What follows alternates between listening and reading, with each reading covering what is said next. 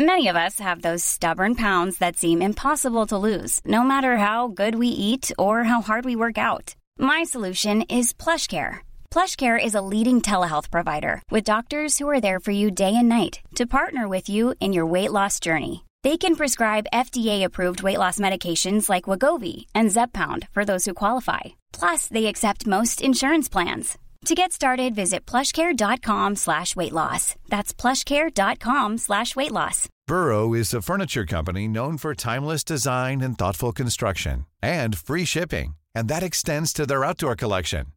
Their outdoor furniture is built to withstand the elements, featuring rust-proof stainless steel hardware, weather-ready teak, and quick-dry foam cushions. For Memorial Day, get 15% off your Burrow purchase at burrow.com slash ACAST and up to 25% off outdoor. That's up to 25% off outdoor furniture at burrow.com slash ACAST. Hvordan var det egentlig å jobbe med metoo-fenomenet som journalist? Hvordan var det å skrive de vanskelige sakene, å være redaktør og ta de viktige presseetiske avgjørelsene? Og ikke minst, hvordan var det å være varsler? Det lurer jeg på denne uka. Og det vet jeg at Svein Tore gjør også, men eh, denne episoden spilles inn rett før jul. Av samme årsak som sist uke, så er Svein Tore derfor ikke til stede. Han har viktigere ting å gjøre enn oss, eh, tydeligvis. Eh, Det handler om jobb. Men han har sendt oss en liten jule- og nyttårshilsen vi skal høre. Hei, ja. ja. Beklager at jeg ikke er der. Akkurat nå er jeg jo på fjellet, eller på vei opp til fjellet. Eh, I butikk. Eh, og gjør de vanlige tingene. Så mm, godt nytt år og god jul. Eh, alt sånn. Hva skal vi ha til middag? Hva vi skal ha til middag? Jeg vet ikke. Hva har du lyst på? Ja. Ok. Eh, som sagt, godt nyttår. Vi høres igjen på nyåret. Det var også Svein Tore, som ikke er her i studio, men den som er her i studio med meg, er Marte Vike Arnesen, som er journalist i fagbladet Journalisten. Velkommen! Jo, takk skal du ha. Hyggelig å være her. Marte, du er fotojournalist. Jeg er fotojournalist. Eller egentlig så har jeg en bakgrunn fra, eh, som sosialantropolog, men jeg har jobbet som fotojournalist i 20 år. ja. Ikke sant? Du har mye frilanserfaring, annet fra VG eh, og mange andre steder. Og i 2017 var det vel, så begynte du å jobbe i det som er fagbladet for journalister, da, journalisten.no, som skriver eh, om og for folk i mediebransjen. Primært journalister, da, og redaktører. Journalisten eies og gis ut av Norsk Journalistlag. Det er jo da en fagforening som organiserer over 8000 journalister i Norge. Det er altså fem år siden metoo tok verden med storm. I november 2017 så posta en som heter Alexander Skau, som jobba i TV 2, 24 twittermeldinger om seksuell trakassering, vold og overgrep i den norske kultur- og medieverden. Eh, Og det var på sett og vis startskuddet for måneder med selvransakelse eh, og løfter om bedring i en bransje som ikke har til vane egentlig å sette søkelyset på seg selv i så stor grad, altså mediebransjen. Og da du ble ansatt, så hadde journalisten eh, fått litt pepper for ikke å ha fulgt med timen eh, da metoo smalt. Fortell litt. Ja, det stemmer det. det var, eh, jeg ble hanka inn fordi journalisten den gangen nesten ikke hadde skrevet en eneste sak om metoo i mediebransjen, selv om det var tydelig at det var ting som skjedde der. Da. Mm. Så jeg ble hanka inn og fikk beskjed om å skrive da, metoo-sakene okay. den vinteren. Eh, Var du en metoo-spesialist? Jeg ble jo ikke nødvendigvis det. Jeg ble jo til at jeg skrev en del. Og så når da TV 2 og Alexander Schou-saken dukket opp, så ble det til at vi jobbet mye med det. Men jeg ble jo etter hvert liksom eh, sett på som metoo-Marte i, i journalisten den høsten og vinteren. Ja, Men var det bare fordi du skrev om det, eller var det andre grunner òg? Eh, Jeg ble etter hvert kobla på et sånt forskningsprosjekt eh, gjennom journalisten, da. Sammen med Kristin Geré, som er professor i mediefag på Oslo OsloMet. mm. hvor, vi, hvor vi sammen så på, så på mediedekningen av metoo eh, gjennom da januar-februar. Eh, så vi jobbet med det da hele den vinteren. Dere analyserte 1247 avis- og nettartikler eh, fra perioden i oktober 2017 til eh, januar 2018. Det var litt artikler, da? Det var så mye artikler. Oi, oi, oi, vi jobba så mye. Jeg hadde et eget sånn Excel-ark som er langt som et tomt år, hvor vi la igjen liksom 18 perimetere for hvordan vi skulle analysere disse med kjønn på journalister og kjønn på kilder. Og, og, og så dybdeintervjuet jo masse folk, både redaktører og Ja. journalister som hadde jobbet med dette da, gjennom de månedene. Ja. Hva kom ut av prosjektet? Eh, prosjektet, altså Først og fremst så kom det ut av eh, denne kjønnsforskjellen på hvem som skrev metoo-sakene. Fram til eh, I begynnelsen så var det bare kultursaker, så var det veldig mange kvinner som skrev de sakene. Men så fort saken ble politisk og handlet om Trond Giske, så var det mennene som tok over. Veldig tydelig. Så vi hadde fargekoordinert, eh, farge, eller vi hadde fargelagt det Excel-arket, så vi kunne se veldig tydelig eh, hvem som var kvinner og menn. Og når Giske-saken kom, så var det sånn plutselig ble alt rosa. Derfor Vi, vi, vi mennene som rosa, kvinnene som grønne. Okay. Så du kunne se en sånn bølge av rosa som skylte innover eh, mediebransjen idet Giske-saken eh, sto på. Hva tenker du om det? Eh, de unnskyldes, veldig mange unnskyldte seg jo med at eh, kvinnene ikke nødvendigvis var på jobb, kvinnene jobbet ikke politisk. eh, Men det, var jo, det er jo tydelig at det er eh, når, når de store sakene kom opp, da, som, som de gjorde den dagen, at det var liksom de som kjente Giske, skulle på saken. Mm. Så det var en radikal endring der. Et halvt år og over 24 000 artikler og medieinnsalg. Eh, Etter de første metoo-meldingene står vi midt i et radikalt eh, normskifte der den nye virkeligheten begynner å gå opp for oss. 22 år etter at Norge innførte forbud mot seksuell trakassering, er loven ristet våken og krever forpliktelser. Metoo kunne ikke skjedd uten mediene. Samspillet mellom sosiale og tradisjonelle medier ble helt sentralt. Norske medier løftet metoo-kampanjen opp til å handle om struktur. Dette er dine ord? Det er mine og Kristin Therese sine ord her. Hun er jo professor, så hun skriver jo eh, veldig, veldig fint og flott ofte. Eh, Men ja, vi skrev den sammen. Eh, Og det var akkurat det som skjedde. Det var det, det å heve det litt til det strukturelle. Denne endringen i måten vi, vi ser hverandre på, da. Dere lagde også en plakat, ikke Vær varsom-plakaten, men eh, det som fikk navnet Metoo-plakaten. Eh, Hvorfor eh, var det et behov for det?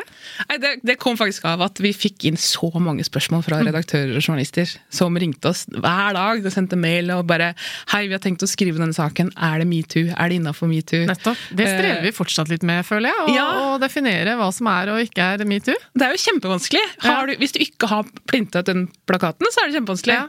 I den plakaten så har vi fire punkter. Hvor vi går gjennom eh, al alvorlighetsgraden av hva en metoo-sak er. Eh, nå har jeg ikke den plakaten foran meg. Men Det har nemlig jeg. For jeg har skrevet den ut. Der står det. En sjekkliste til bruk i diskusjoner om metoo, til hjelp i arbeidet med å finne graden av uønsket seksuell oppmerksomhet. Det første punktet er avgjørende, de tre andre vil påvirke alvorlighetsgraden. Punkt én. Manglende gjensidighet. Manglende, ja, ikke sant? Manglende gjensidighet. Det vil si, har du fått et nei, så betyr det nei. Og det er jo norsk lov. Det er jo fra, som du nevnte, fra 1970-tallet. Det, det er faktisk ikke lov. Og så er det liksom flørting.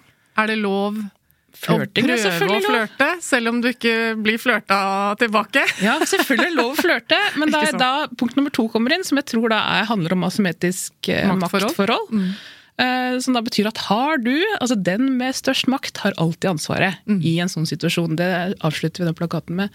Det betyr bare at hvis du har mer makt, det trenger ikke være bokstavelig makt, det kan også være en sosial makt, eh, i, eh, så er det du som har ansvaret, og da skal du ikke nødvendigvis flørte. Ikke sant. Og punkt tre er da vanskelig å unnslippe.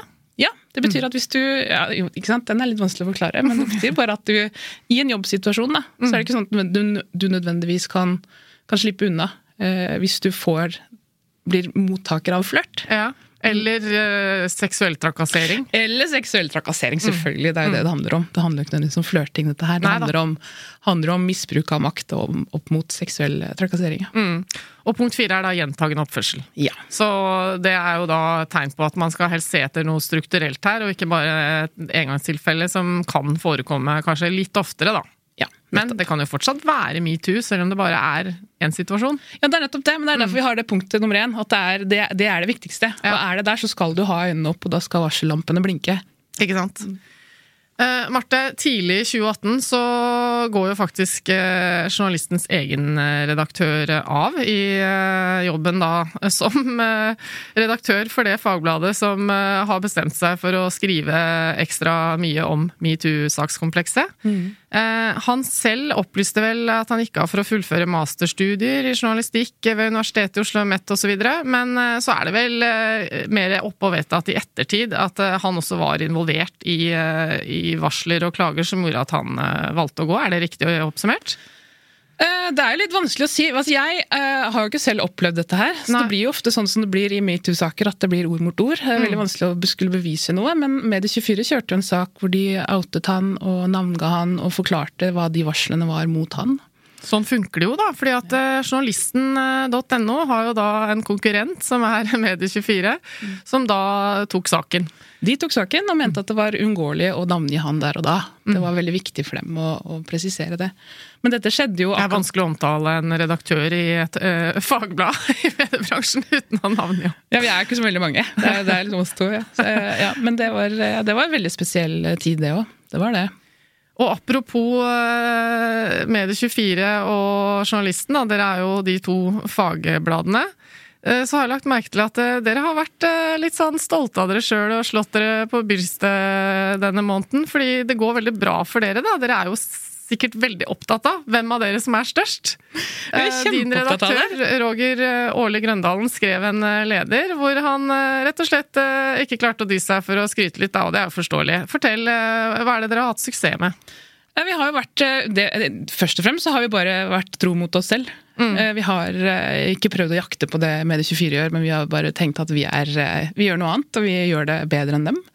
Så nå er vi jo har vært større enn dem gjennom hele høsten. Og det har vi visst veldig lenge. Hva vil det si å være større? Det betyr at vi har flere sidevisninger og generelt har flere folk som er innom, innom og leser sakene våre. Da. Og ja. vi har jo hatt en økning nå det siste året. Så bra. Gratulerer med det. Dere er jo da en åpen nettavis, da. Så til Medie24s forsvar, som har en annen strategi som er mer basert på abonnenter, så er jo ikke de tallene helt sammenlignbare. Men dere har vokst? Vi har vokst, vi har vokst og vi har vokst masse. Vi har jo nå eh, nådd eh, 6,3 millioner eh, sidevisninger.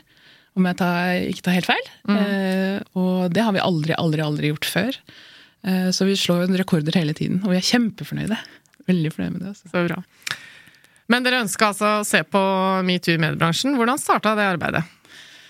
Det starta jo egentlig da i 2017. Da mm. jeg, eh, ikke jeg, men da journalisten eh, fikk litt pepper for at vi ikke fulgte med timen, rett og slett, så ble vi jo oppmerksom på at her må vi følge med. Fordi mm. mediebransjen er jo ikke nødvendigvis verdens eh, letteste, snilleste bransje å jobbe i. Det er jo mye hø-hø-kultur, og det er mange ting som blir feid under teppet, som alltid har blitt gjort det. Mm. Det er mye eh, spesielle maktstrukturer, det er mye mellomledere, mange selvstendig næringsdrivende, frilansere, mm. midlertidige, som ikke sitter med noe makt. Mm. Så det er jo en bransje som, eh, som, kanskje er en av de tøffere bransjene vi har. Eh, som også er veldig vanskelig for media å se på selv. Mm. Det er jo det som er problemet her. At man har man har jo eh, Man ser seg i speilet, og så ser man kanskje litt vekk, for det blir litt vanskelig å skulle skrive saker om kollegaer. Eh, så da er det jo vår oppgave å gjøre det, ikke sant? som mm. fagblad. Mm. Eh, så vi har snakket om det en stund, at vi har lyst til å, til å jobbe med, mer med metoo, og nå er det fem år siden. Og så har vi hatt lyst til å jobbe med video. Mm. Det har vi hatt lyst til veldig lenge òg. Og så så vi jo da vårt snitt til å merge de to sammen og lage dette Videoprosjektet, da. Dere skrev jo en del om det da, mm. når det var eh, på det hotteste, hvis man kan si det på den måten. Og så mm. har dere nå gått tilbake og sett på det i retrospekt, så, mm. så, vi skal komme tilbake til det arbeidet og de videoene og de intervjuene som du og en kollega har gjort. Hvordan var det å få folk i tale, Marte? Eh, fordi dere da dekker deres egen bransje. Og da skal jo dere, som vanlige journalister som dekker håper å si vanlige folk, dere skal jo helst ha caser. Eh, dere skal helst ha konkrete eksempler, for det er fint at det, man prøver å løfte det opp til å handle om det strukturelle, men det er jo alltid mer slagkraftig når det er noen som er villig til å stå fram og fortelle noe konkret. Ja, selvfølgelig. Og, men vi er jo også vant til å, å, intervjue mediefolk. Det er jo det vi gjør til vanlig. Ja. Eh, men nei, men vi hadde jo en liste langt som et vondt år som eh, vi hadde fått fram med, med, folk vi hadde lyst til å intervjue. Og så mm. var det jo bare å sette i gang og, og prøve å få kontakt med dem. Men det ble jo til at som, Hvis dere har vært inne og sett, så er det jo overvekt av kvinner. Eh, vi har hatt litt problemer med å få menn til å stille, rett og slett. Og det er jo, kan jo være forståelig, ettersom eh, mange av de mennene vi ville ha tak i, har liksom blitt tatt i metoo, da. Ja. Mm. Ikke sant? Ønsket, ikke å stille, ønsket ikke å ta det opp igjen. det Nei, for det har vel kanskje vært litt sånn eh, at mange menn i mediebransjen, kulturbransjen og for så vidt alle bransjer eh, sitter og kjenner litt på nå at ok, nå, nå skal vi vurdere ting som har skjedd de siste 20 åra. eh, I lys av en bevegelse som har blitt veldig slagkraftig. Eh, så jeg har vel kanskje også gjort ting, kan jeg se for meg at de tenker, som jeg har oppfatta som helt vanlig. Eh, Flørting og så videre, som vi snakka om i stad. Eh, og, så, og får menn fort litt sånn angst. Hva er det som kan eh, plutselig dukke opp her? Og så har det jo blitt, det har jo også mediene fått litt kritikk for, at det plutselig ble en sånn oppfatning om at eh, vi skal tro på varslerne. Ikke sant? Det er vanskelig å være varsler, det er vanskelig å stå frem med mediene med sin sak. Spesielt hvis det liksom du blir stilt i tvil da, om hensiktene dine osv. Så ja, eh, det er jo egentlig ganske lett å se for seg hvor vanskelig det er for da en medieleder, eller en som kanskje vet at det, det lurer noen potensielle saker her. Ja, det er nettopp det. Og mange av de har jo skyldt på at det er for tett opptil. At, har, at de ikke har kommet seg ennå etter, etter metoo, da. Nå, Selv om det har gått fem år. Og jeg vil jo si at det å Vi intervjuet jo Ragnhild Aas Harbo, eh, og hun forteller jo om ganske heftige år, og at hun står fram, så tenker jeg også at de andre også burde ha gjort det. da, Ja. eh, Med tanke på, på ettertiden og, og historiefortellingen der. Fordi det er jo, jeg, jeg tror nok ikke nødvendigvis det er så mye verre å være varsler enn det er å være en som ble varslet på. Nei. Eh, Du nevner Ragnhild eh, Aas Harbo. Hun jobbet da i Aftenposten. Mm. Hun forteller til deg en video, vi kan høre et lite klipp, eh, om at eh, hun følte seg nesten forplikta til å stille opp eh, da du ringte, fordi eh, hun vet at man trenger disse casene, og det har ikke vært så mange av de som har jobbet som journalister, som har fortalt eh, om metoo, konkrete historier. La oss høre. Eh, det hadde vært fint om det var andre òg, at jeg ikke sto her alene. Fordi når du spør meg, så vet jeg at den eneste muligheten du har til å lage dette prosjektet med en varsler i mediebransjen, det er meg. Eh, og det er ikke at jeg klandrer andre for å ikke ha stått fram. For det forstår jeg veldig, veldig, veldig, veldig godt. Du kaller meg jo for en varsler. Når folk spør meg om snakke om dette, så er det varslerne. Så jeg er nå en varsler, og det er litt sånn overveldende. Ehm, For det har alle disse følelsene rundt seg, liksom. At man er en bråkmaker. En ting som jeg merket meg ved i videoen eh, med Ragnhild, er at hun også sier eh, at hun visste det jo, men allikevel så ble hun litt overrasket over at eh, hun forteller sin historie et sted, når hun opprinnelig fortalte sin historie som varsler, da, før du eh, lagde denne videoen, da det pågikk. Eh, og så ble det en svær sak i alle mulige medier, og så plutselig fikk hun tekstmeldinger om at eh, eh, 'Jeg leste om deg i VG, utrolig bra at du står frem', og så var hennes reaksjon 'Men jeg har ikke snakket med VG'. Og det, er- det syns jeg er et veldig godt eksempel på hvordan det er eh, at eh, journalister har en tendens til å glemme akkurat det, hvordan det er å stå på andre siden da, og være eh, en kilde i, i mediene, og hvordan det oppleves å liksom bli løftet ut i den store offentlige debatten. Eh, Ragnhild har jo da varsla. Eh, hva er det hun egentlig forteller om det å liksom tørre å stå frem, eh, med tanke på at du er i en bransje og du skal tenke på det stempelet du eventuelt får som varsler, og vurdere nye jobber du eventuelt skal ha senere osv.? Nei, Hun var jo veldig bekymret for, eh, og med rette, på at hun ble sett på som en bråkmaker. Eh, og de har man jo egentlig ikke lyst til å eh, Man har jo ikke lyst til å være en bråkmaker. Eh, og hun nevner jo også at eh, det å være midlertidig ansatt, det å være frilanser i mediebransjen, at du står ganske svakt da. Skal du varsle da, så skal du være ganske sikker i din sak på at du får lov til å fortsette å jobbe, og at du får fortsette å, å bidra opp mot den redaksjonen du er i da.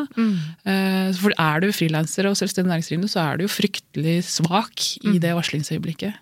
Har du inntrykk av at det er et generelt problem i metoo-sakskomplekset? Det at eh, folk vegrer seg for å fortelle historien rett og slett av den grunn? Ja, det tror jeg. Det Ja. tror jeg er veldig, er et veldig viktig poeng, faktisk. At de ikke har sett flere varslere i mediebransjen. Eh, Jeg vet at det har vært masse saker, men de har blitt tatt, ofte tatt internt i redaksjonene. Så kan vi jo diskutere om det er riktig, da, ikke sant? For det er jo I, i typ som Sverige og Danmark så har vi sett at de, de blir jo vasket ut, luftet ut mye mer eh, i mediebransjen der enn de har gjort i Norge. Um, men skal man ta saken internt, eller bør det kanskje vises at det også er problemer i mediebransjen? Det sitter jeg igjen med et spørsmål om. Mm. For du har også vært i Sverige og snakket med Åsa Lindeborg. Eh, vi nordmenn kjenner jo Åsa Lindeborg ganske godt. Hun er jo også forfatter, er jo kjent som kommentator i Aftonbladet først og fremst, og var jo eh, veldig delaktig i metoo-dekningen i Sverige. Eh, og den har jo flere faser, eh, for å si det sånn. Eh, Sverige var kanskje raskere ute med å liksom kjøre på, kaste presseetikken litt til side, som hun også mener når hun ser det i retrospekt. Eh, men det fikk også en del alvorlige konsekvenser, eh, den dekningen som hun var med på i Aftonbladet. Fordi eh, det endte jo faktisk med en kulturleder som tok sitt eget liv. Ja, Benny Fredriksson, som var leder for et av de største teatrene i Stockholm. Ja. Hadde, går jo langt i å, spekulere om hadde hun ikke skrevet den om han faktisk hadde vært i live mm. eller ikke. da. La oss høre hva Åsa sier om det. Og da er jo naturligvis spørsmålet har ans Aftonbladet ett ansvar för att Benny Fredriksson är död och vilket ansvar bär jag? Och det där är någonting som jag brottas med hela sen dess och alltid kommer att brottas som, med som journalist. Vilk, vilket ansvar har jag för att Benny Fredriksson är död? Och eh, jag tänker då att eh, det är inte jag som har tagit livet av Ben utan det har han gjort själv. Men det kanske är så att han skulle ha levt idag ifall Aftonbladet inte hade gjort den här granskningen. Det er jo sterke ord. Jeg syns det er litt eh, fint, faktisk, at eh, Lindborg her eh, tør å reflektere så åpent over om hun har en direkte skyld. Og så er det fint å høre at hun konkluderer at han har jo ansvar for sin egen handling, men allikevel, da. Det har hatt utrolig sterke konsekvenser, den journalistikken. Og det har det jo også i Norge. Vi har jo eksempler på flere politikere som eh, måtte slutte jobben sin, rett og slett. Ja, det har jo, men, men der igjen så har jo Norge Der gikk jo Norge og Sverige to forskjellige veier. Eh, Norge gikk jo eh, Der hevet jo mediene opp til, opp til et strukturelt nivå ganske tidlig. Mm. Og så på det at ok, her, her er det større ting som, er i, er i, som styrer det. Mens mm. i Sverige så gikk det jo rett på person. Og de var jo Det var vel 40 tror eller 40 eller et par og 40 saker som ble felt i det svenske PFU ja. uh, for den mediedekninga. Så de, jo, de, kastet jo alt av presseetikk på, på, på bålet, rett og slett. Og det sier jo Lindeborg òg. Ja. Det gjorde kanskje ikke norsk presse i så stor grad. Altså, du har også intervjua Sara Sørheim, som på det tidspunktet da metoo-saken sprakk, så, så, var hun kulturredaktør i Aftenposten. Og i intervjuet med deg så, så forteller hun eh, om eh, alle diskusjonene i redaktørkollegiet i Aftenposten. fordi at, eh, som hun selv sier, Eh, var, var, saker der jeg ønsket at vi skulle trykke på publiser-knappen, og kanskje også navngi flere folk, og de visste jo veldig mye om eh, hvem det var snakk om i enkelte saker, men bestemte seg for å løfte det opp da, til det strukturelle nivået som du snakker om. Det var første gangen at jeg har stått overfor et liksom, sakskompleks med mange hundre kilder. Um, og det var jo ikke kilder som vi hadde funnet frem til selv. Det var kvinner som kom og ville fortelle sin historie. Og da var vi jo ganske raskt i en situasjon hvor vi måtte um, tenke gjennom Punkt én, er dette av journalistisk interesse for oss? Og det skjønte vi ganske raskt at det var det. Men så var det ok, skal vi, skal vi uh, snakke med alle disse Etter hvert ble det vel over 600 uh, kvinnene som skrev under disse oppropene, og mange av dem som også delte sine historier. Uh, skal vi intervjue dem én til én? Hvordan skal vi forholde oss til denne enorme mengden med informasjon? Og det ble en ganske krevende, men veldig lærerik og interessant eh, øvelse. Vi bestemte oss for å gå inn i det strukturelle, men å holde oss unna detaljer hvor enkeltpersoner ble identifisert eller eh, outet. da. Fordi det var det strukturelle som var kjernen i, i metoo. Så det ble etter hvert vårt eh, journalistiske oppdrag den høsten. Det ble å avdekke den strukturen og gjøre vår jobb som journalister på å bidra til å kaste lys på det som eh, er en og var eh, en destruktiv og ganske mørk side ved norsk kulturliv. Uten å falle i fella og begå presseetiske feil gjennom å f.eks. viderebringe påstander av faktisk art som vi ikke kunne dokumentere eller fikk imøtegåelse på. Og det var en ganske krevende balanse. hva er det Sara Sørheim egentlig forteller eh, om som er betegnende for den norske dekningen av metoo? Nei, Det er jo det at man ikke gikk på enkeltperson med en gang. rett og slett, Fordi vi kom inn i det oppropene ganske tidlig. Eh, Aftenposten tok jo det valget, og de fikk jo plutselig inn masse historier. ikke sant? Da, da hadde de jo valget om å, om å gå inn i alle de historiene. Flere hundre kilder Ja. som uoppfordret tok kontakt, forteller Ja. hun, som ville fortelle sin historie. Det er mye. Og da må man eh, stille noen eh, sånn eh, kontrollspørsmål. Nettopp, og det Hvem det gjorde det? de. Jeg tror de gikk inn i de fleste sakene. Jeg fikk inntrykk av at de har gått inn i de fleste sakene og, og hørt. Men Mm. som du sier, også er det fryktelig vanskelig i de sakene å skulle bevise hva som faktisk har skjedd. Fordi på den ene siden så har du de som varsler, som, som hun sier er, absolutt har opplevd eh, dette som metoo. Mm. Men på den andre siden så har du jo kanskje en mellomleder eller en mannlig kollega som ikke skjønner at det har skjedd engang. Ja, nettopp. Og som du sier, den bevisbyrden der ble for vanskelig for de, så derfor bestemte de seg ganske tidlig for å heve det til dette strukturelle nivået. da. Som egentlig eh, jeg tenker er, har vært veldig sunt for, eh, for den norske mediedekninga.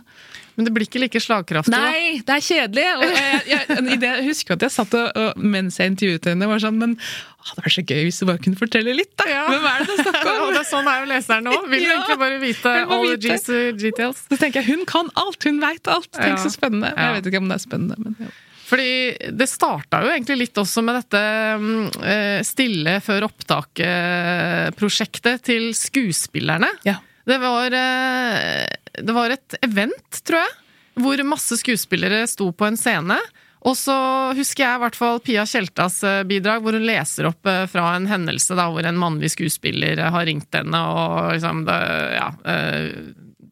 Dickpics er vel et stikkord her. Jeg har møte på FaceTime med en mannlig skuespiller. Jeg møtte ham på turné for å avklare litt angående en forestilling som vi hadde blitt enige om å sette i gang. Han ringer. Altfor seint og fra senga. Jeg uttaler Oi, har du lagt deg? Jeg ser deg nesten ikke. Det er så mørkt. Han svarer med å dra dyna til side, viser meg ståpikken sin og sier Ser du bedre nå? Ja, det, det er ganske ekstreme historier. Og, men, men sånn som jeg husker det, så tror jeg kanskje at uh, oppropene i Aftenposten skjedde først. og Så var det da på, uh, hadde de da på Nationaltheatret en forestilling etterpå hvor de leste opp historier. Ja. Uh, anonyme, da. Fra, fra Ja. den samme oppropet. Ikke sant?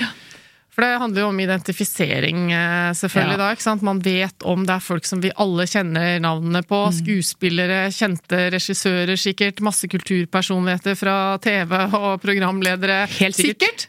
Ja. Eh, og, og så er det Jeg får i hvert fall inntrykk av da når Sara Sørheim forteller at eh, man har jo egentlig Man føler at dette er så alvorlig. Man har egentlig bare lyst til å ta rotta på de jævlene liksom, In the heat of the moment så er det sikkert de eh, emosjonene som foregår. Men så klarte de, som hun sier, å ta beslutninger som eh, som hun i ettertid eh, kanskje tenker at var eh, riktig, da. Eh, Ja. Fordi det kan jo rett og slett, som vi nå så i Sverige, ta livet av folk. Ja, det er akkurat det. Ja. Og det har vi heldigvis sluppet her i Norge. Eh, nå vil jo kanskje mange mene at eh, Giske ble utsatt for en heksejakt, han også, men jeg tenker at noen, noen må vi jo ha fram i lyset. Hadde vi ikke hatt noen, så hadde det vært veldig vanskelig, det òg. Så du har snakket med Sara Sørheim, eh, som da representerer et norsk mediehus. Eh, Du har snakket med Åsa Lindeborg, men du har også eh, tatt eh, veien over til Danmark. Eh, og der snakket du med en mann som heter Christian Lindhardt. Eh, eh, som representerer da den danske metoo-dekningen, som egentlig var veldig annerledes, for at de var veldig seine til festen. Hvis man kan kalle det festen. Altså, det, det skjedde liksom ikke noe metoo-opprør i Danmark før et par år etterpå. Fortell. Det tok jo veldig lang tid, og det husker jeg når vi satt og diskuterte det forrige prosjektet vårt. Altså, hva er det som skjer i Danmark? De har jo ikke noen saker. Eh, Og vi snakket jo med Christian Lindhardt, eh, som da var medieleder i Dansk Radio i tillegg, ja. under metoo. Og det han sier, er at han ikke forstår hvorfor det ikke ble tatt tak i, men han mener jo at det kanskje handler litt om kultur. Men når det først smalt da, i, Danmark, så smalt det jo skikkelig. Og det er jo et oppgjør som, eh, som eh, ikke ligner noe annet. Ved at de eh, den danske journalisten, da, vårt, eh, vårt søsterblad, som vi kan kalle det, eh, fikk et opprop med 1500-1600 kvinner innen mediebransjen da, som, som, skrev at dette her skjer oss. Det er seksuell det er metoo, det er seksuell trakassering i, i, dansk mediebransje, og det er utbredt, og det er massivt. Ja, det var jo virkelig massivt, med mm. over 1600 signaturer. Men det starta før det, egentlig, med Sofie Linde, ja. programleder i Danmark, som, som på et event, en konferanse, eh, holdt en eh, tale hvor hun rett og slett bare fortalte, litt sånn som disse skuespillerne i Norge, om en helt konkret hendelse ja. som var sjokkerende. La oss bare høre akkurat uh, hva Sofie Linde sa i denne talen. En historie fra den gang jeg var 18 år gammel og lige var startet i Danmarks Radio. Og helt vildt lækker, bevares. Overhovedet ikke gravid ligesom nå. Jeg ble startet i Danmarks Radio. Vi skulle til julefrokost, og jeg hadde gledet meg. Og så kommer der den her store tv-kanon opp. Tar fatt i min arm og siger, hvis du ikke går med ud og sutter min pik, så fucking ødelægger jeg din karriere. Så ødelægger jeg deg. Det var jo også programlederen Sofie Linde fra et eh, arrangement eh, live i Danmark. Det som skjedde da, var jo at uh, hun sikkert fikk mye positive reaksjoner osv., men fikk også veldig mye hat og, og, og negative reaksjoner, da. Uh, og folk stilte hennes uh, hensikter i tvil, rett og slett. Hun fikk visstnok mest hat. Ja. Hun fikk drapstrusler og hat, og ble skikkelig som nedgriset, da, som man kaller det, eller eh, på, på, sosiale medier. Og, og, mange uker etterpå. Det var jo derfor disse kolleg, kvinnelige kollegene så måtte støtte henne i dette oppropet. da.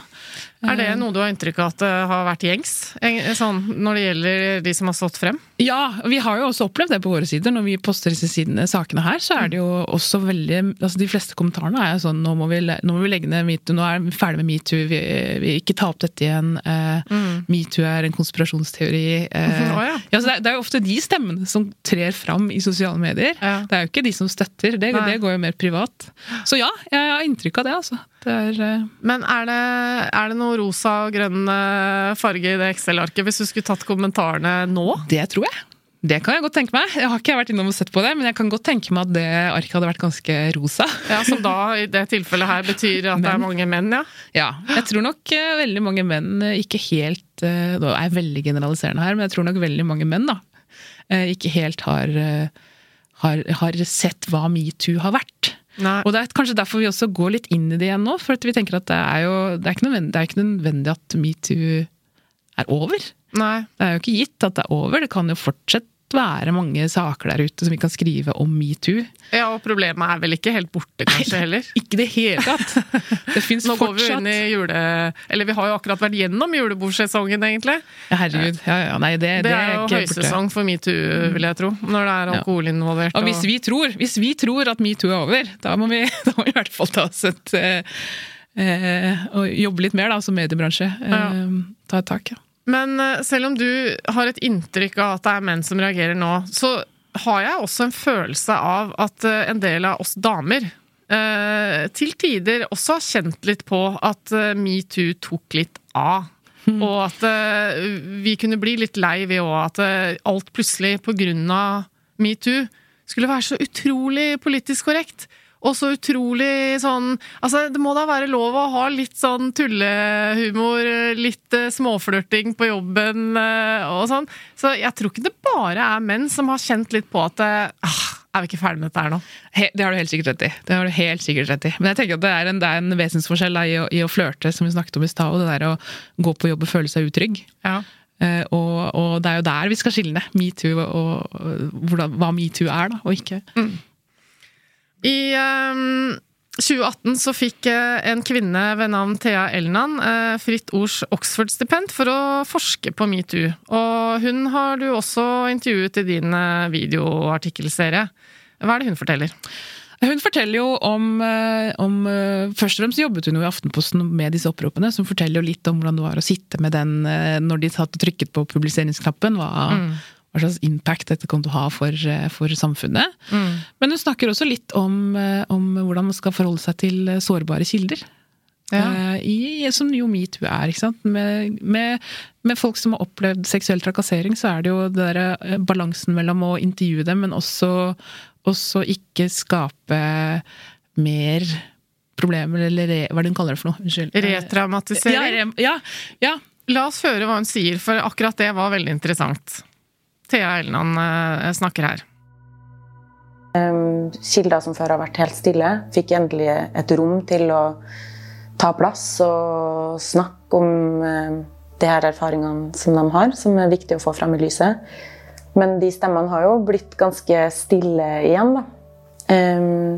Så jeg tror uh, media har fortsatt ganske mye å jobbe med for å opprettholde og bygge videre på det her tillitsforholdet med denne type sårbare kilder. Um, for det er viktig å fortsette å, å, ha, å skape dette rommet for denne type kilder. Fordi de sitter på en type erfaringer som veldig sjelden uh, kommer frem. Ja, nettopp. For uh, dette husker jeg også fra Vi snakket med folk om 22. juli-dekningen. Altså det der med at plutselig så har journalister å gjøre med veldig alvorlige uh, saker.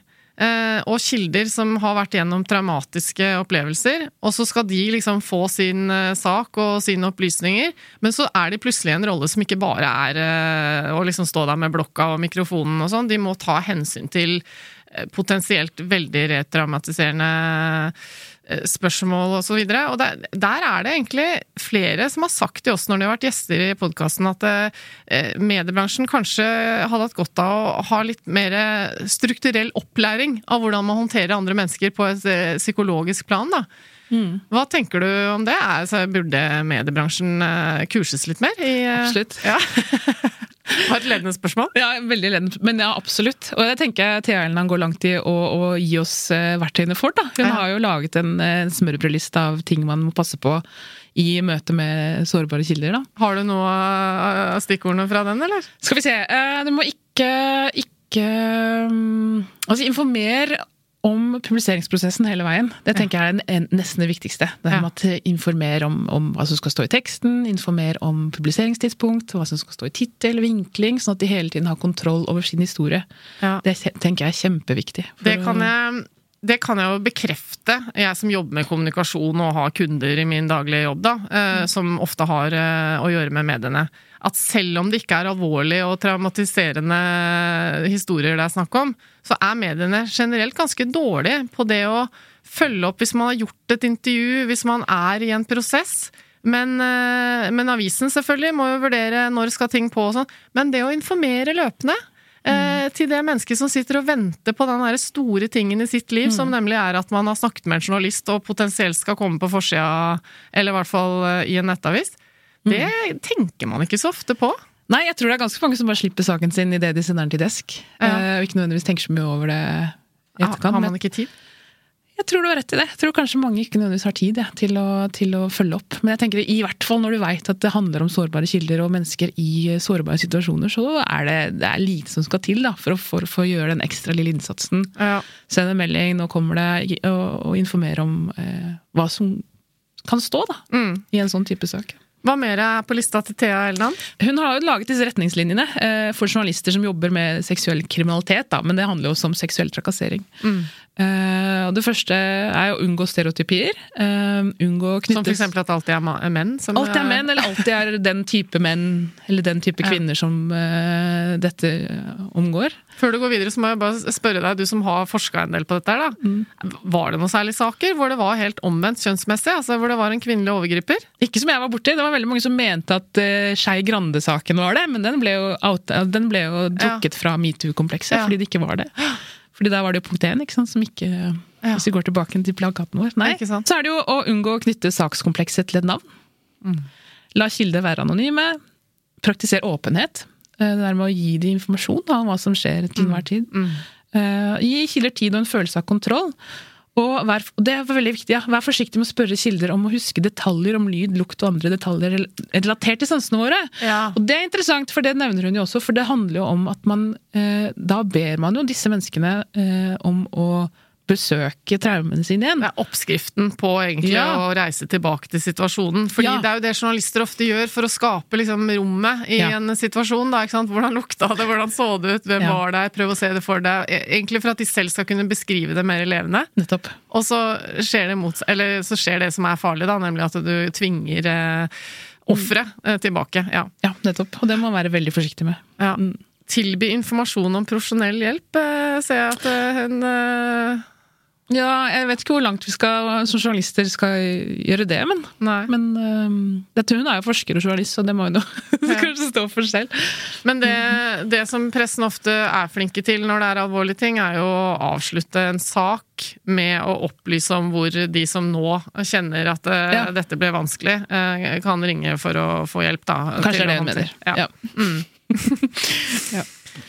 Etter jul så skal dere se videre på dette. Hva er det dere har planer om å snakke om da? Åh, Da er det rosinen i pølsa, altså. Da er, Er det TV 2. TV 2, ja. Yes, Vi okay, har intervjuet eh, ledere i TV 2 som eh, forklarer og forteller om hvordan de månedene var for dem. Fordi det var eh, en del saker i TV 2, eller fordi TV 2 dekket det spesielt, eller hvorfor Fordi- er TV 2 rosinen i pølsa? Rosine, det er jo selve mediesaken. Det var jo der, det eneste mediehuset som egentlig fikk gjennomgå eh, pressens eh, søkelys. Nettopp. før Fortell litt til de som ikke husker det. Eh, Det som skjedde var jo disse 24 Twitter-meldingene til Alexander Schou. han som jobbet i TV 2. Han jobbet i TV 2, og gikk langt i å, å oute folk og situasjoner som hadde skjedd i TV 2 da, under metoo-fanen. Eh, hvor han sa, skrev at han var lei av å, av å se dette skje, og ville veldig gjerne ha et oppgjør. Eh, og da opplevde jo da lederne i TV 2 ganske heftig mediepress. mediepress. For da fikk jo endelig mediebransjen sin egen metoo-sak, og Mm. alle kluter ble jo eh, liksom alle, alle dro jo dit da, for å sette søkelyset mot TV 2. Så vi intervjuet de litt med tanke på eh, hva som skjedde der, så vi får litt mer informasjon om hva som faktisk skjedde, og hvordan det var å stå i det mediepresset. da. Eh, som den som På den andre siden. Så da får du som hører på bare følge med på journalisten, da. Så nå Ja. ble jo dette superbra reklame for Ja. eh, din arbeidsplass, eh, Marte. Det bra, for det, det slipper vi heldigvis å, å snakke om akkurat den saken. Fordi som vi pleier å opplyse om, så jobber jo vi i vår vanlige jobb, Svein Tore og jeg, noen ganger med TV 2, så det er kanskje like greit at ikke vi diskuterer den i detalj. Men eh, altså Metoo eh, har jo nå foregått i fem år. Eh, har vært litt slapt kanskje i det siste, og så har du eh, bidratt til å blåse litt liv i det. Hva tenker du, Hvordan vil du oppsummere? Liksom, hva var metoo? Hva gjorde det eh, for oss her i verden? oh, stort spørsmål. Eh, mange svar. Nei, jeg tenker at eh, metoo var med på å endre i hvert fall måten eh, kvinner ser på disse situasjonene på. Ikke nødvendigvis hvordan menn gjør det, men hvordan den som blir offer for seksuell trakassering, eh, ser på situasjonen. Med, hvor man før kanskje mer stilltiende eh, godtok kultur. Det gjør man jo ikke nødvendigvis i den samme grad lenger, selv om jeg, jeg, ikke, jeg vet ikke om det er helt, vi er helt ferdig med det. Men, men det endret jo måten vi, vi ser på eh, seksuell trakassering på arbeidsplassen. Og satt litt med søkelys på hvordan man skal håndtere det, da. Ikke sant? At man ikke skal bare godta, man skal faktisk si fra. Ja. Ja, men det tenker jeg, Da fortjener jo du en slags takk da, for at du har gjort dette arbeidet, tross alt. Jo, nei, det jeg kommer aldri til å gi meg. Jeg er jo metoo-Marte for alltid, tror jeg. Um, det der med å, å fortsette å pirke litt borti ting som folk kanskje tror vi er ferdig med, det tenker jeg må være våre Vi som er metajournalister, da, hvis jeg kan kalle oss det. Vi som jobber innenfor uh, skri, Lager journalistikk om journalistikk? Ja, det er jo en veldig spesiell oppgave. Og Ja. da tenker jeg at vi må, vi må pirke litt borti ting uh, i tid ut i det. Ja. Men deg personlig, da? Eh, Har du noe, noen erfaringer? Hva tenker du om metoo? Jeg har masse erfaringer. har det? Eh, ja, ja, ja, jeg har jo vært ung i mediebransjen, eh, jeg også. Så jeg har jo varsla, jeg. Har sittet i møter med HR-ledere, og jeg har opplevd eh, ting på fest. Og jeg har mottatt mange historier opp igjennom eh, av av kvinner og kolleger da, som har opplevd mye dritt på arbeidsplassen, hvis jeg får lov til å si det. Men det ble litt vanskelig å sette på kamera og altså gjøre deg selv til kilde i ditt eget prosjekt? Ja, Det nytter jo ikke. Nei, nei, det går jo ikke. Eh, Men jeg tenker jo at eh, det jeg opplevde er jo én ting, men det fins jo Det der med å kunne kanskje få folk til å tørre å, å si fra, er jo egentlig må jo være hovedjobben, da. ikke sant? Det der med å, å, å si til medledere at dere må gjøre det trygt for alle. Mm. Og si fra. Mm. Det er viktig å ha strukturer for det. Kjempeviktig. Mottak. Det er jo det. Mm. Ja, det er jo det. Jeg eh, poster en lenke når jeg legger ut denne episoden på Facebook, sånn at eh, folk lett kan finne fram til disse videoene som vi har eh, vist litt klipp fra. Yeah. Men før vi gir oss, Marte, så har jeg lyst til å, siden du er en metajournalist, så har jeg lyst til at vi skal gossipe litt om yeah. den siste tidens lille catfight i, i mediebransjen. Eh, Fordi jeg lurer litt på om vanlige eh, mediekonsumenter eh, har fått det med seg i så stor grad som vi sikkert har. Men det har jo vært nå eh, i desember en liten sånn Det har foregått i spaltene en liten fight mellom Aftenpostens redaktør Trine Eilertsen Ja. og Dagsavisens Hege Ulstein. Ja. Hvor kort oppsummert så er det sånn at, og det har sikkert en del fått med seg, at Aftenpostens gravesjef eh, gjorde seg Det er jo her det er litt uenighet, da, men inhabil i saker om Hadia Tajik. Fordi at da hun jobbet eh, med dette sakskomplekset, så hadde hun en ektemann hjemme som da litt senere skrev eh, i sosiale medier i forskjellige tråder og diskusjoner med folk at han hadde innsikt i saken litt mer enn andre folk, og ga inntrykk av at han hadde eh, kunnskap om upublisert materiale. Og så er jo ikke Ulstein og Eilertsen helt enig i, om detaljene i dette. Men uh, fighten har vel handlet om at uh, Hege Ulstein gir seg ikke på tørre møkka i å utfordre Trine Eilertsen til å liksom snakke om dette i egne spalter, få leserne litt bedre informert om hva som har skjedd, og at uh, Tonje Gedius, da gravesjefen, er flyttet ut av alle saker som handler om, eh, om eh, Hadia Tajik eh, osv. Men dette blir jo veldig sånn eh, Jeg har sett flere i kommentarfeltet skrive kan ikke dere ta en kaffe, dere to, da?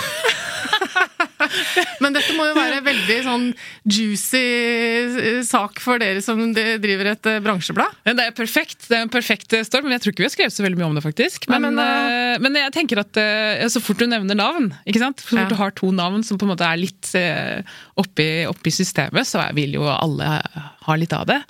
Eh, Men ja, det er kjempegøy. Det er veldig, veldig, veldig gøy. Og jeg tenker jo at for, for vår del så trenger de ikke nødvendigvis å ta den kaffen nå.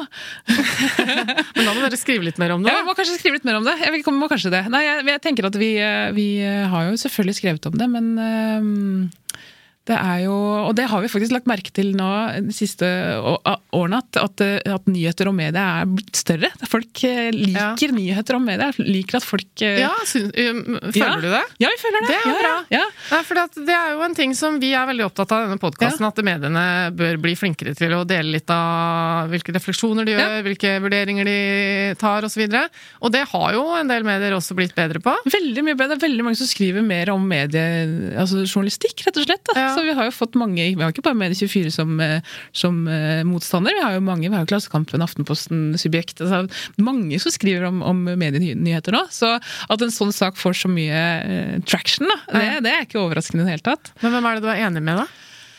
Jeg tenker jo at uh, Det er så vanskelig å si! Herregud! Uh, nei, hvem er enig med? deg, Ja, du, får journalist til å ta stilling. ta stilling, ja. Nei, jeg har faktisk ikke satt meg så inn, inn, inn i den saken, men jeg tenker jo at det er eh, veldig gøy at uh, fordringer, altså uh, kunnskap som man egentlig ikke nødvendigvis skal sitte med, at det skjer jo en del, ikke sant? Ja. Blant eh, ek ektepar og venner og Pillow talk, som det heter. Pillow talk, ja. Altså, alle tenker vel at Ja. eh, når man det, Du også som graver i saker og ting, og så skal du hjem, og så har den vanlige samtalen rundt middagsbordet er liksom 'Hva har du gjort i dag?' Og så, og så Jeg vet ikke. Er det, er det realistisk at man absolutt aldri forteller om hva man jobber med? Selvfølgelig ikke! Og det er jo, det er jo Mest sannsynlig så er det det som har skjedd òg, ikke sant? Men da å liksom gå ut og si at man har gjort det, er jo, det er jo interessant, da. Ja, det er- det er interessant taktikk. Ja. Men uh, Trine Eilertsen står jo som en så veldig standhaftig og, og rolig i båten enn så lenge, da, syns jeg. Ja. Ja. Og så foregår jo eh, denne diskusjonen eh, mellom disse i primært, da, i hvert fall i begynnelsen, nå har det vært litt mer i Aftenpostens spalte, men Ja. det foregår jo på Facebook. Og så Ja. tenker jeg at det, eh, det er jo også da i en boble av eh, samfunnsengasjerte og medieengasjerte folk som følger dette, men det når jo ikke nødvendigvis eh, videre, da. Så det er jo Mm. Nei. det som er Hege Ulsteins poeng, at det er fint at du svarer meg her på min Facebook, men jeg har jeg vet ikke, jeg, kanskje 1000 følgere eller noe sånt, som er på en måte mediefolk i bobla. Så kanskje fint om du tar det også i Aftenposten. Ja. Ja. Nei, Det er jo kjempegøy. Det er jo veldig veldig, veldig gøy når sånne ting skjer. Og det er jo ikke, er jo ikke sånn at det skjer fryktelig mye andammen til enhver tid. Nå har jeg egentlig fått streng beskjed av, av min redaktør om å aldri bruke ordet andammen. Så det beklager jeg. Ja. Det Vil du trekke det tilbake? Ja, Nei, det går fint. Jeg står for det nå, men jeg lover aldri å gjøre det igjen. Eh, men dette her med å, når, når ting endelig skjer, så er det kjempegøy. Og så er det sånn, vi er jo en, vi er jo en eh, stand med mye vi har, vi har veldig høye tanker om oss selv. ikke sant? Journalister og redaktører. Og vi er jo, mange, mange er jo også offentlige personer, ikke sant? til en viss grad. Så det at man kan eh, hive seg litt rundt og og fyr, kanskje fyre litt opp da, under sånne diskusjoner, er jo bare gøy. Ja. Ok, Marte. Da sier vi takk for oss, og siden det er du som sitter her med meg, så tenker jeg at eh, jeg tar ansvaret for å gi en felles oppfordring til de av lytterne våre da, som er eh, i mediebransjen, om at metoo er ikke over. Følg Følge opp eh, Martes arbeid med å fortsette å se på de strukturelle utfordringene som finnes både i egen bransje og kulturbransjen, men også i alle andre bransjer. Det er jo enkelte metoo eh, eh, enkelte bransjer eh, hvor man ikke har kikka ordentlig på metoo-utfordringene. Det vil jeg si. Som ennå ikke er dekket, egentlig. Ganske mange bransjer. Så det er nok å ta av for de som trenger eh, noe å jobbe med til neste år. Så med det så vil jeg bare ønske alle, og deg, godt nyttår. Godt nyttår, ja. Takk for at du kom, Marte. Bare hyggelig. Veldig hyggelig å være her. Og det er jo da Lyder Produksjoner som produserer denne podkasten, og skal som sagt da hilse fra Svein Tore og ønske godt nyttår også. Eh, Og så kommer vi tilbake med ny sesong av Tut og mediekjør fra februar av. Så eh, hold ut mens vi sitter og planlegger den nye sesongen, og så høres vi igjen eh, i begynnelsen av februar. Ha det godt.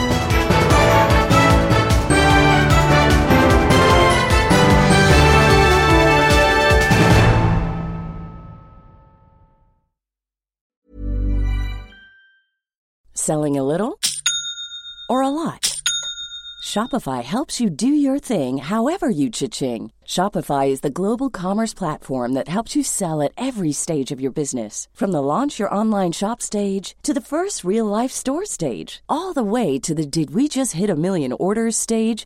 Shopify is there to help you grow. Shopify helps you turn browsers into buyers with the internet's best converting checkout. 36% better on average compared to other leading commerce platforms because businesses that grow grow with Shopify. Get a $1 per month trial period at shopify.com slash work. shopify.com slash work. Confidence starts with loving who you are. And when your skin feels nourished and glows on the outside, you naturally radiate confidence from the inside. Give your skin a glow up with Osea's clinically proven Mega Moisture Duo. This ultra hydrating body care features two of Osea's best sellers, Undaria Algae Body Oil and Undaria Collagen Body Lotion. These seaweed powered heroes use skincare level ingredients normally reserved for your face for results you can see and confidence you can feel. Osea has been making clean, clinically proven seaweed infused face and body care products for over 28 years. This luxurious skincare is vegan, cruelty free, and climate neutral certified, so you never have to choose between your values and your best skin.